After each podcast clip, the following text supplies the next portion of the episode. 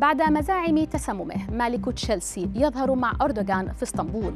صورة تضع تيري أنري في موقف محرج. ملاكم أنقذ قطة فتعرض لضربة قاضية. أخبرني نوع حذائك. أخبرك من أنت لنجوم المستديرة هذه الأخبار وغيرها تتابعونها على العربية بودكاست. بعد مزاعم تسممه مالك تشيلسي يظهر مع أردوغان في إسطنبول. صورة تضع تيري أنري في موقف محرج. ملاكم أنقذ قطة فتعرض لضربة قاضية. أخبرني نوع حذائك. أخبرك من أنت. لنجوم المستديرة هذه الأخبار وغيرها تتابعونها على العربية بودكاست. نبدأ أخبارنا من إسطنبول حيث اجتاح اليوم خبر لقاء مالك تشيلسي الإنجليزي الروسي رومان أبراموفيتش مع الرئيس التركي رجب طيب أردوغان ال social media.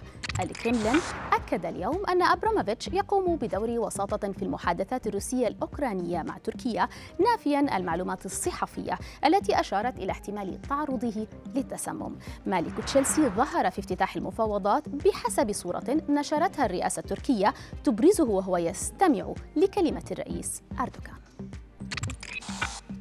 تعرض تيري أنري مساعد مدرب المنتخب البلجيكي لموقف محرج. بسبب صورة. التفاصيل تظهر أنه أثناء مغادرة لاعب أرسنال وبرشلونة السابق فندق الإقامة في العاصمة بروكسل قام أحد الأطفال بطلب التقاط صورة. هنري ظن بأنه المقصود لكنه اكتشف أن الطفل يرغب بالتقاط الصورة مع البلجيكي أوريجي مهاجم ليفربول الإنجليزي. ليظهر الفيديو المنتشر عبر ال social media ملامح الصدمة على وجه أسطورة الكرة الفرنسية. في إنجلترا تسبب لاعب مانشستر سيتي فيل فودن وعائلته بغضب جيرانه ودفعهم لتقديم شكوى للشرطة. الأمر مرده للضوضاء التي أحدثها حفل عيد الأم المفاجئ لوالدة اللاعب كلير في منزلها الواقع شمال غرب إنجلترا ووضع الضيوف لسياراتهم في الشارع بطريقة تسببت في إعاقة مرور الجيران. الحفل بحسب التعليقات المنشورة على حساب فيل على الفيسبوك. تشير أن الحفل خرج عن السيطرة حيث بدأ الساعة الواحدة ظهرا واستمر لما بعد العاشرة ليلا.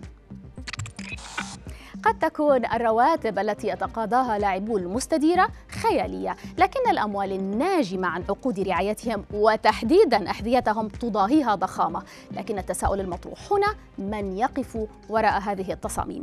الإجابة وببساطة مصمم مشجع لا يتجاوز الثلاثين من عمره يدعى جوردن داوسون يعمل حاليا مع أفضل شركات المستلزمات الرياضية في العالم. جوردن يملك كشكا خاصا به يرتاده اللاعبون الراغبون بارتداء حذاء مميز يعكس شخصيتهم خلال التدريبات وأثناء المباريات.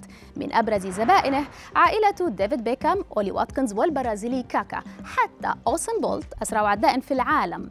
أما عن تكلفة الحذاء الواحد فتصل لما يقارب 2500 جنيه استرليني.